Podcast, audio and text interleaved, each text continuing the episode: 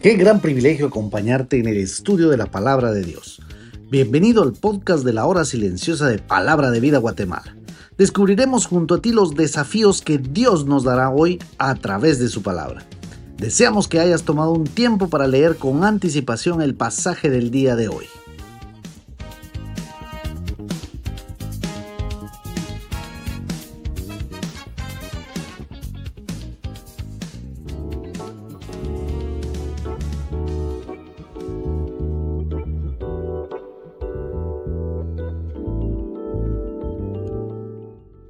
Qué bueno estar en el comentario de la hora silenciosa. El día de hoy te saluda Oscar Fuentes del Ministerio de Palabra de Vida aquí en Guatemala nuevamente. Vamos a estar en 1 de Timoteo capítulo 2 del 1 al 7. Y un escritor dijo, debes vaciarte de aquello con lo que estás lleno para que pueda ser llenado de aquello de lo que estás vacío. Y el día de hoy vamos a ver a Pablo hablando al joven Timoteo de la forma en que debía orar y presentarse delante de Dios.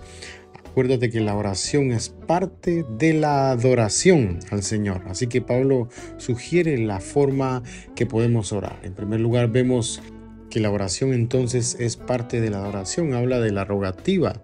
Desis es en el original y habla de una urgencia hacia Dios, una súplica divina. Por eso es tan importante mi tiempo con Dios en cuanto a la oración, rogando a Dios por otros, dice. La segunda es oraciones y peticiones, que tiene que ver más con petición a una deidad. Y esto me habla de un reconocimiento de la existencia de Dios, de la deidad de Dios que existe y cómo yo la reconozco. El mismo Señor Jesús en su paso por la tierra reconoció la autoridad y la deidad de Dios. Siempre dijo que él no podía hacer nada de lo que podía hacer si no era por Dios y todo lo atribuía al Padre. Luego habla de acciones de gracias. Un escritor hablaba que la gratitud da sentido a nuestro pasado, trae paz al presente y crea una visión para el mañana. Quizás es momento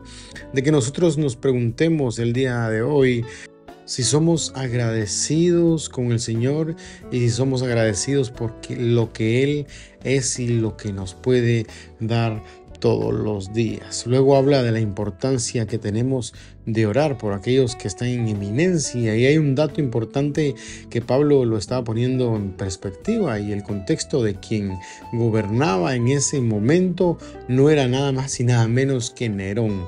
Así que Pablo tenía toda la autoridad para poder decir que teníamos que orar por los reyes, por aquellos que estaban en eminencia. Por ejemplo, este año nosotros estamos en un año electoral para el país de Guatemala y pareciera ser que la cosa va de mal en peor y hoy se vota por el que no es tan malo y no por el que está proponiendo buenas ideas. Pero por eso Pablo nos recuerda que es importante que oremos eh, por nuestras autoridades. ¿Has orado por tus autoridades verdaderamente?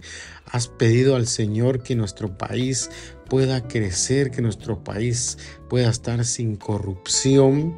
porque la palabra de Dios nos manda hacer oraciones por aquellos que están en autoridad, para tener tiempos de paz y quietud, aunque nosotros sabemos que esto va eh, para atrás o va de mal en peor, sabemos que el Señor puede traer esa paz a nuestras propias familias, aún en el caos del país porque esto es bueno y agradable delante de nuestro Salvador, el cual quiere que todos los hombres sean salvos y vengan al conocimiento de la verdad. Me gusta mucho cuando dice que es bueno y realmente podemos ver que es así. Es bueno. En el original dice que eso es excelente, hermoso delante de Él, que intercedamos por todo esto y sobre todo que intercedamos por los hombres, porque el verso 4 dice, nos habla del deseo de Dios, quiere que todos sean salvos y vengan al conocimiento de la verdad. Es nuestra responsabilidad entonces, mi querido oyente, ya que es un deseo inminente de Dios, es un deseo profundo del corazón de Dios, que todos vengan al arrepentimiento, porque vemos en el verso 5 una verdad absoluta, porque hay un solo Dios y un solo mediador entre Dios y los hombres Jesucristo hombre. Un escritor dijo acerca de esto, las oraciones del cristiano tienden a que los hombres se dobleguen libremente a los planes salvadores de Dios. No cabe excluir a nadie, puesto que nada ni nadie ha sido hecho por otro Dios. El orden de la creación roto por el pecado, y lo vamos a ver ahí en Romanos capítulo 5, versículo 12, fue restaurado por lo que Cristo hizo que se ofreció a mediar entre Dios y los hombres. Su mediación entonces es universal. Por ser Dios es mediador universal, por ser Dios y hombre, está solidarizado con los dos extremos por ser hombre. Así que Él fue capaz de poder mediar entre Dios y los hombres y por eso lo acentúa y dice Jesucristo hombre. El verso 6 dice se dio.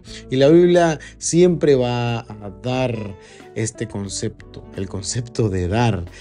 Como lo que dice Juan 3:16, que porque de tal manera amó Dios al mundo que dio a su Hijo unigénito. Y este verso dice que se dio a sí mismo en rescate por todos, no excluyendo a nadie. Por último, habla Pablo del propósito entonces que Dios había tenido con él, de ser constituido predicador y apóstol de los gentiles en fe y verdad.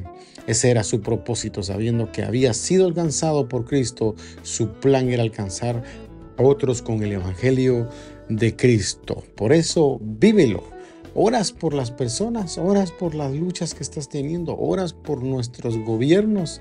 La oración del justo puede mucho, dice la palabra de Dios. Y sobre todo, oras para que Dios te dé oportunidades para predicar la palabra de Dios y alcanzar a aquellas personas que todavía no han tenido la verdad, que no han llegado al conocimiento de Dios y el conocimiento de la verdad.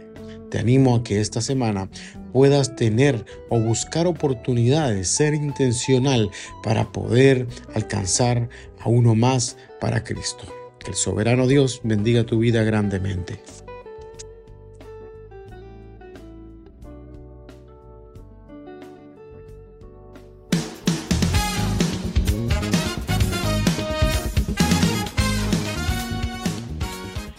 Es emocionante saber los tesoros que Dios tiene en su palabra para nosotros.